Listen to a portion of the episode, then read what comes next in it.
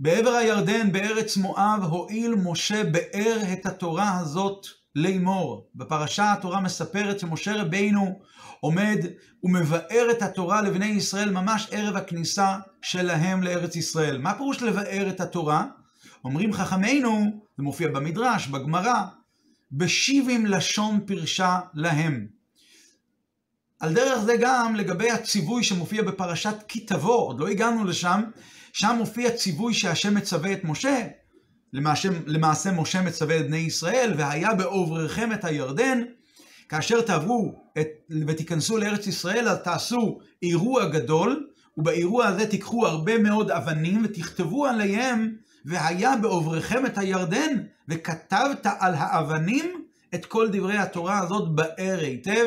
גם שם פירשו חכמינו מה פירוש באר היטב בשבעים, בשבעים לשון. שמזה מובן שלתרגם את התורה בשבעים לשון זה דבר שהוא חיובי, דבר שיש בו מעלה, דבר שיש בו תועלת. לא רק לכתוב את התורה בשפות אחרות, באותיות לטיניות או באותיות לועזיות או באותיות אחרות, אלא גם פשוט לכתוב אותם במילים אחרות, במילים שהם מילים של 70 לשון, ככה משה רבינו עשה. וככה הוא גם מצווה לבני ישראל בעתיד. אוקיי? סימן שזה עניין חיובי. במסכת סופרים, שזה מסכת בין המסכתות הקטנות, מופיע סיפור, הסיפור הזה מופיע בכמה גרסאות שונות, על uh, תלמי המלך שהיה גר במצרים, הוא היה בעצם מלך מטעם האימפריה היוונית, והוא מזמין, קורא לבני ישראל ומזמין חכמים מבני ישראל שיבואו ויתרגמו את התורה ליוונית. מעשה בהי זקנים שכתבו לתלמי המלך את התורה היוונית. והיה היום קשה לישראל כיום שנעשה העגל, שלא הייתה התורה יכולה להתרגם כל צורכה. האמת היא שהגרסה הזו היא מדברת על חמישה זקנים, למעשה אנחנו יודעים על שבעים זקנים שהיו לתלמי המלך, וכמו שנדבר בהמשך, שהוא שם אותם בחדרים נפרדים, והשם נתן בליבם, במחשבתם, שיבואו וישנו כמה דברים בתורה, כדי שתלמי המלך לא יבין לא נכון, כמו שנדבר בהמשך. בכל אופן, התורה אה, הגמרא מתארת את זה כיום קשה, והיה היום קשה לישראל כיום שנעשה בו העגל. דבר ראשון, למה זה יום קשה? הרי מזה שמשה רבינו פירש את זה בשבעים לשון, ומזה שהוא מצווה אותם ככה לעשות, זאת אומרת שזה עניין חיובי. אז איך אפשר לומר שזה יום קשה, ועוד קשה כל כך? ויש כאן נימוק שלא הייתה התורה יכולה להתרגם כל צורכה. מדוע היא לא יכלה להתרגם כל צורכה? משה רבינו תרגם אותה. אז אם היא, הוא תרגם אותה ל-70 לשון, אז כנראה שזה גם שייך למצבים אחרים. אז זהו, זוהי השאלה שאיתה נפתח את השיעור הזה. האמת היא שאולי ננסה להסביר שהכוונה במשנה הזו, במסכת סופרים, היא שזה קשה דווקא בנוגע לתרגום ליוונית דווקא. דווקא, שאר הלשונות אפשר להסתדר, אבל אה, תרגום היוונית הוא תרגום קשה. זה מאוד דוחה ככה לומר. דבר ראשון, לשון היוונית היא בכלל אותם 70 לשון. ושנית, מזה שהגמרא אומרת שהנימוק ליום הקשה היה בגלל שלא הייתה התורה יכולה להתרגם כל צורכה, זאת אומרת שהבעיה היא שלא התרגום הוא הבעיה, אלא שהתורה, התורה פשוט לא יכולה להתרגם. לא יכולים להתרגם באף לשון, לא רק דווקא בלשון היוונית.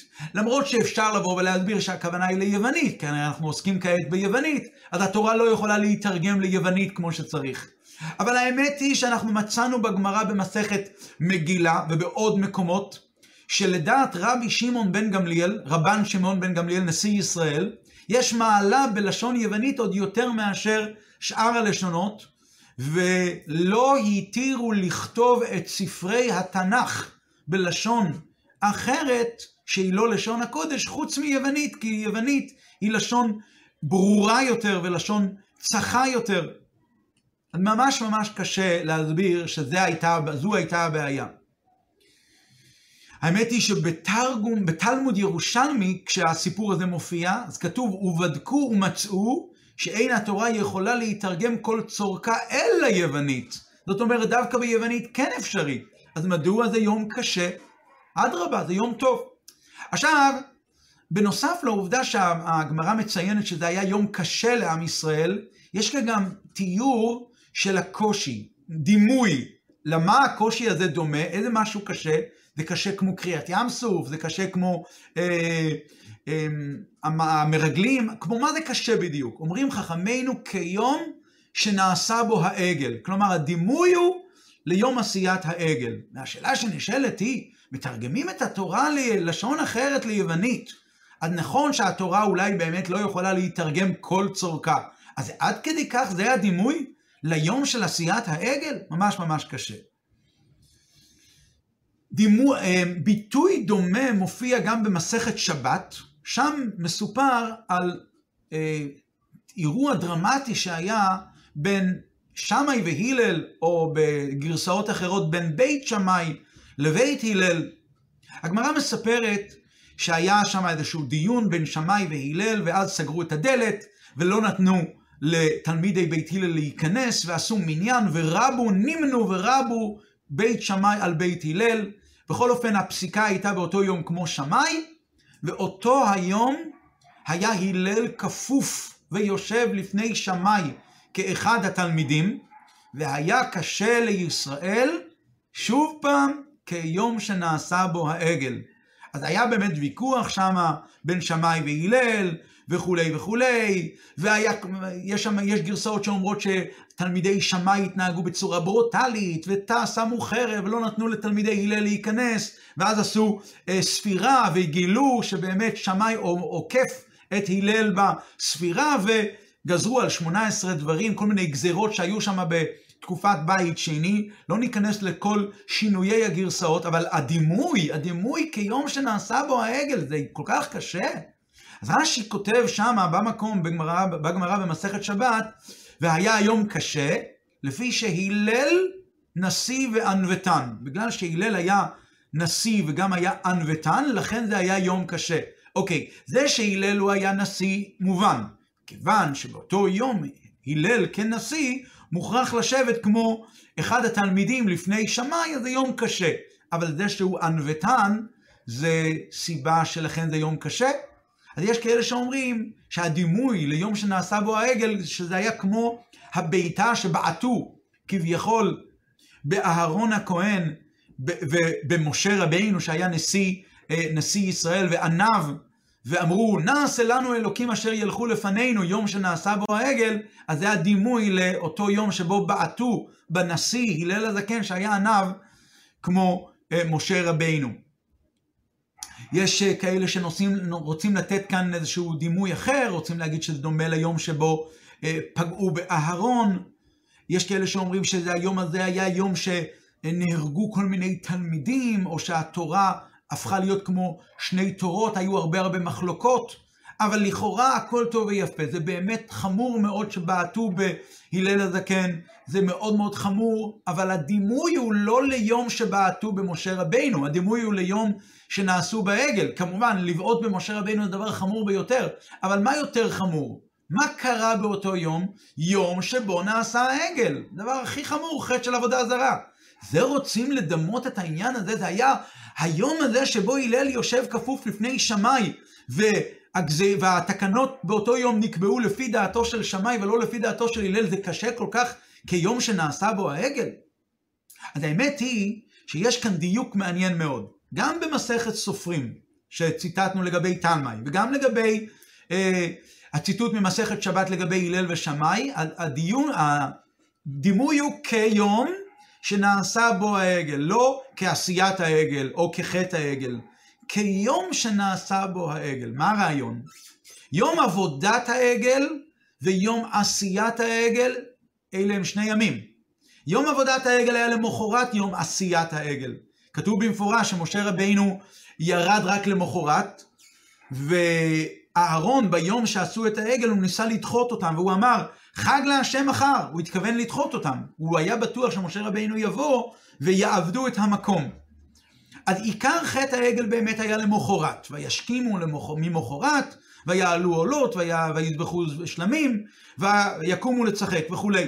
אז אז כשחז"ל באים ואומרים כיום שנעשה בו העגל, פירושו שחומרת הדבר שהיה בזמן תלמי, עם התרגום של התורה ליוונית, וחומרת הדבר ששמאי, שהלל ישב כפוף לפני שמאי, עם כל מה שהיה שם, אז זה קשה לא כל כך בעשיית העגל, אלא בזה שזה היה יום שנעשה בו העגל. היום, שהיום שבו עסקו רק בעגל, וממילא היום הזה הוא יום הכנה לחטא שיבוא למחרת, למחרת לאחר זמן, חטא העגל עצמו.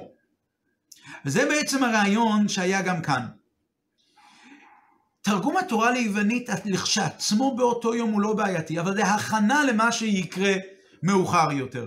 לא הייתה התורה יכולה להתרגם כל צורכה פירושו שהתרגום המילולי והמדויק והסדר של מוקדם ומאוחר בתורה, כל הדברים האלה התורה באמת לא הייתה יכולה להתרגם כל צורכה, וזה יכול לתת נתינת מקום לטעות, ובאמת הגוי הזה, תלמי המלך, כאשר הוא ילמד אחר כך את התורה, כפי שהיא מתורגמת ליוונית כל צורכה, אז הוא, לא, הוא עלול לא להבין, ועלול לעשות כל מיני שאלות. ויתרה מזו, כתוב במפורש בגמרא, שכאשר אותם 72 זקנים שישבו בחדרים נפרדים, תלמי שם אותם בחדרים נפרדים ואמר להם לתרגם ליוונית, והשם נתן בליבם לשנות, נתן השם בלב כל אחד ואחד מן החכמים עצה, וכולם שינו.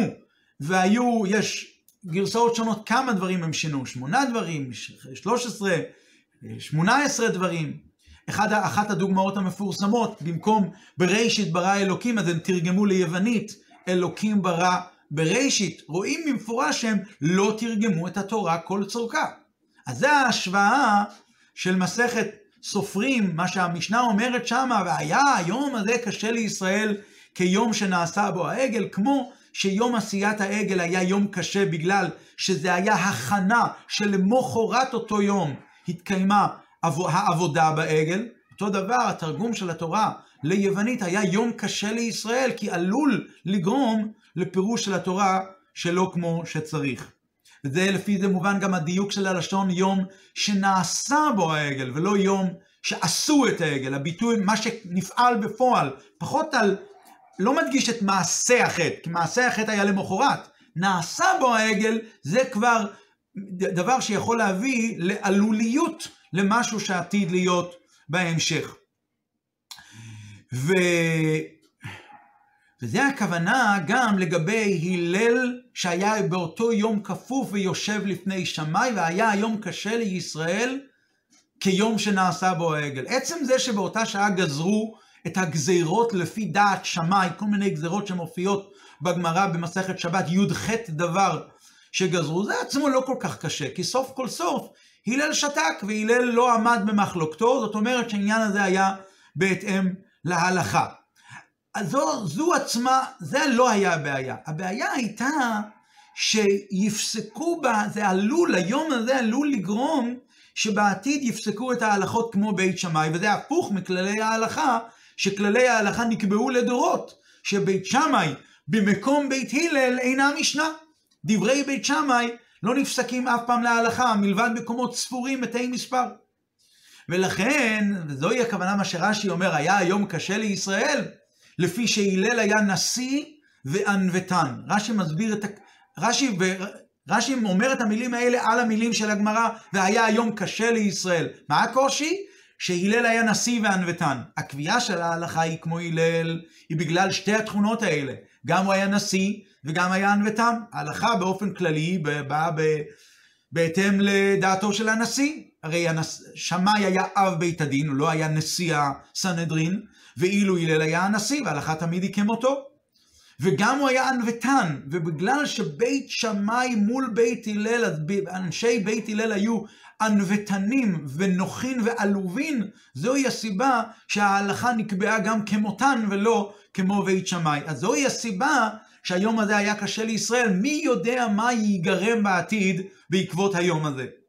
טוב, אז ההשוואה היא בעיקרון בעובדה שהיום הזה, יום שנעשה בו העגל, זוהי דוגמה ליום שהוא עושה עלוליות ליום אחר שבו יהיה משהו מאוד מאוד חמור, וזה הדמיון גם לסיפור של תלמי בתרגום הזקנים, וגם לסיפור של הלל ושמאי. אבל בעומק יותר מהעובדה שהגמרא דווקא מביאה את, הדימו, את שתי הדברים האלה, שני העניינים האלה, ומדמה אותם דווקא ליום שנעשה בו העגל, למרות שהבנו בעיקרון את הרעיון, שלא כתוב כאן כיום שעבדו את העגל, אלא כיום שנעשה בו העגל. אבל יש כאן עוד עניין, כנראה גם בעשיית עשיית העגל לכשעצמה, יש איזשהו דימוי מדויק לשני המאורעות הללו של תרגום התורה על ידי הזקנים ליוונית ושל הסיפור של שמאי והלל. אבל אולי לפני נבוא ונחשוב רגע מה זה היה אותו היום שנעשה בו העגל. מה היה רע, מה היה חמור בעשיית העגל. אז ידוע מה שכתוב בספרים ומופיע בהרבה הרבה מהספרות של פרשני ישראל, ניכנס רק בנקודה שלהם, מה היה שם עם עשיית העגל. בני ישראל לא דרשו עניין של עבודה זרה חס ושלום. הם רצו מנהיג שינהיג אותם במקום משה, לא במקום השם חס ושלום. מה הם אמרו? כי זה משה האיש אשר העלנו מארץ מצרים, לא ידענו מה היה לו. וזאת אומרת שהיה להם רצון מאוד חזק שיהיה ממוצע שיעמוד בין הקדוש ברוך הוא לבינם, וזה מיוסד על מה שהקדוש ברוך הוא בעצמו קבע. הקדוש ברוך הוא קבע, כי זה משה האיש אשר העלנו מארץ מצרים. מי העלנו מארץ מצרים? משה רבינו. הקדוש ברוך הוא לא העלנו בצורה ישירה, אלא על ידי משה רבינו. הוא שימש הממוצע. אז כדי שיהודי פה למטה יהיה קשור אל הקדוש ברוך הוא ויעבוד אותו כראוי בכל כוחות הנפש שלו, גם בשכל שלו, גם ברגש שלו, גם בלב שלו, כמובן במעשה, אז כאשר האלוקות יורדת למטה ונחדרת באופן כזה עמוק, שהוא לא רק מאמין בקדוש ברוך הוא, אלא הוא יודע בידיעה. והידיעה הזו חודרת בו עמוק עמוק לתוך השכל ולתוך הרגש. ואז כשהאלוקות חודרת לתוך איש כזה שנמצא נשמה בגוף פה בעולם הזה, שהוא כמו שהיה באמת אצל, אצל משה רבינו, שהיה מכונה בשם איש האלוקים, אז איש כזה שאפשר לראות אותו ואפשר לשמוע אותו, זה נותן כוח ליהודי להתח... להתחבר, אל הקדוש ברוך הוא. אז חשבו עושי העגל בליבם, שעל מנת שהאלוקות תרד ותומשך עוד יותר פה בעולם הזה ותורגש ממש פה בעולם הזה הגשמי באופן של מישוש, אז זה יהיה על ידי דרגה עוד יותר תחתונה, ועל ידי יהיה לזה השפעה עוד, עוד יותר גדולה בעולם. ככה מבואר בספרים. יש לזה קצת מעין, מעין מה שהשם, מעין מה שהשם ציווה, מאוחר יותר, לפי הדעות שאומרות שהציווי על עשיית המשכן היה מאוחר יותר, אבל מה השם ציווה? ועשו לי מקדש ושכנתי בתוכם. ממה עשוי המקדש? מזהב ומכסף, והמקדש שעיקרו היה הארון ושני הכרובים, ועל ידי זה הייתה השראת השכינה בעם ישראל, ודיברתי איתך מעל הכפורת מבין הכרובים. ובאמת כתוב בספרים שהחטא הזה נבע, מאיפה זה התחיל? זה נבע כתוצאה מזה שבני ישראל בעת מתן תורה, כך כתוב במדרש, שהם ראו וירד השם על הר סיני, והם ראו את המרכבה העליונה, מה שמתואר בספר יחזקאל, והם שמטו את אחד מפני המרכבה, שזה היה פני שור שבמרכבה, והם רצו שזה יהיה פה למטה, בעולם הזה, משהו שמעין מעין, משהו שהם ראו במרכבה העליונה. אז, אז לכן, בעצם היה לזה איזושהי נתינת מקום לכאורה. אז בא אהרון ועושה את העגל. ביחד עם, עם, ביחד עם האנשים, עדיין לא עבדו אותו. מה אומר להם אהרון? חג להשם מחר. מי יודע, אולי משה רבינו יבוא ויגלה שהכל זה שטויות והכל זה לא מציאות אמיתית.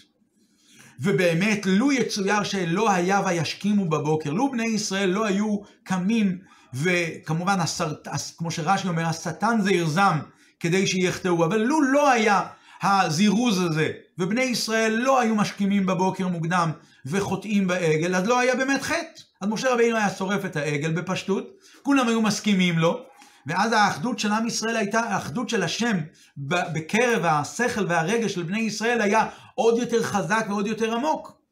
שכולם רואים ומבינים שאין עוד מלבדו. ומי שיכול לשמש ממוצע, שהוא ממוצע המחבר בין ישראל לקדוש ברוך הוא, משה רבינו, שנשלח על ידי הקדוש ברוך הוא להורות לעם ישראל ולהראות להם את הדרך ואת הקשר אל אליו. אז זה היה בעצם בשורש כל העניין, אלא שבפועל זה לא היה ככה, ובאמת השטן זה ירזם, ובפועל, בקרב כמה וכמה מבני ישראל, לא כולם כמובן, היה חטא נורא ואיום, חטא העגל, חטא של עבודה זרה, ההיפך לגמרי מאחדות השם. השלב לפי זה נבין שכשאומרים קשה כיום שנעשה בו העגל ולא כיום שבו עבדו את העגל, הכוונה היא מעצם זה שהעמידו איזושהי מציאות נפרדת. אפילו שהיה להם כאן כוונה שיהיה כאן את האלוקות, ועל ידי זה יומשך כאן האלוקות בצורה יותר מוחשית פה בעולם הזה, אבל נוצר כאן איזשהו עלוליות לחטא של עבודה זרה, לחטא של כביכול יש כאן שתי רשויות חלילה. הדבר הזה לא בא מלמעלה, הוא, בא, הוא לא בא מציווי השם, ציווי מלשון צוותא וחיבור, זה לא שהשם ציווה לעשות את זה. אם דבר מסוים שבא מהציווי, אז לדבר אין מציאות לולי הציווי. כלומר, אין לדבר שום, המקדש, הכסף והזהב שיש במקדש, והכרובים, אין להם מציאות משל עצמם, אין להם אג'נדה משל עצמם, הם נטו, הם נטו משדרים ביטול ודבקות בקדוש ברוך הוא לבד, כי זה בא מצד ציווי השם. וזה בעצם הרעיון של מה שהמדרש אומר שהעגל, פני העגל זה נשמט מהפני שור שבמרכבה, שבמובן המיסטי הכוונה היא שכאשר הדבר הוא חלק מהמרכבה העליונה זה אלוקות, זה ביטול מוחלט לקדוש ברוך הוא. כאשר זה נשמט ויורד ויורד למטה, אז זה יכול ליצור עלוליות, כבר אין את הביטול המוחלט של המרכבה בו, וזה יכול ליצור עלוליות של חטא של עבודה זרה. עכשיו, לפי זה נבין שהקשר כעת ל, ל, לסיפור של תרגום התורה לשבעים על ידי הזקנים, ואותו דבר הסיפור של אה, שמאי והלל שפסקו כמו הלל והיה היום קשה לישראל כיום שנעשה בו העגל, יש כאן שתי עניינים. א', כיום שנעשה בו העגל, שזה הכנה לאיזושהי ירידה שהייתה מאוחר יותר, כמו, בחטא, כמו ביום שנעשה בו העגל, שבעת שעשו את העגל זה הכנה לחטא העגל של המחרת. אבל יש כאן עוד דימוי, לחטא העגל עצמו יש דימוי, אותו רעיון, ונסביר את זה קצת.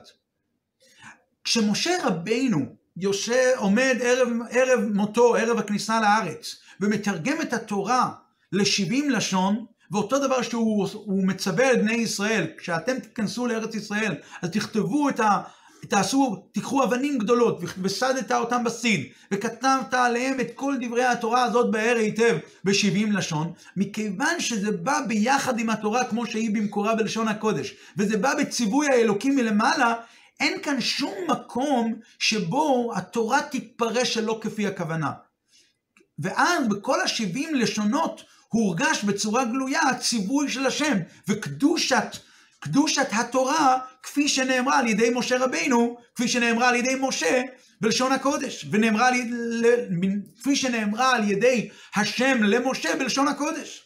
כאשר באו הזקנים והם מתרגמים את התורה ליוונית, וזה לא היה על פי ציווי השם, אלא זה היה בגלל דרישה חמורה מאוד של תלמי המלך, ולפי מה שכתוב במדרשים ובספרים, זה היה גם קשור עם כל מיני איומים והפחדות, אז כתוצאה מזה עלול להיגרם כתוצאה מזה, זה כבר לא בא בציווי השם, אז עלול להיגרם כתוצאה מזה עניין לא כמו שצריך, והנה באמת, במקום בראשית ברא אלוקים, אחדות השם אין עוד מלבדו, אז פתאום הם משנים, אלוקים ברא בראשית, ואותו דבר גם בשאר הפסוקים. ששינו הזקנים לתלמי המלך, שברובם של הפסוקים זה היה נתינת מקום אפשרית לאיזושהי טעות או לעניין כזה שהוא הפוך מאחדות השם חלילה, ולכן זה היה בעייתי. ואותו דבר בקשר למחלוקת בין שמאי והלל ולמחלוקת של בית שמאי ובית הלל, רק שפה זה יותר בדקות, כי זה בתוך התורה עצמה. גם פה הדימוי לסיפור של יום שנעשה בו העגל הוא לא רק שיש יום שהוא עלוליות ליום למחרתו, מה יקרה למחרת, אלא יש כאן גם קשר תוכני לסיפור של חטא העגל. מה הקשר בין הסיפור של שמאי והלל לחטא העגל לסיפור, לסיפור הזה של יום שנעשה בו העגל? שמאי ובית שמאי, השורש הנשמה שלהם הוא ממידת הגבורה, מידת הדין. הלל ובית הלל שורש הנשמה שלהם הוא מידת החסד. ולכן בדרך כלל בית שמאי הוא לחומרה, ובית הלל הם לקולה. והחילוק הזה בין מידת הדין למידת החסד, זה בדומה למה שהמדרש מספר. שהקדוש ברוך הוא כביכול שאל את החסד, אז החסד אמר, כן לברוא את העולם או לא? אז חסד אמר ייברא. ואמת אמר אל ייברא. שהעולם לא ייברא. כלומר, מצד הדין אין מציאות לעולם. לא רוצים את העולם כביכול, ומצד החסד, אדרבה.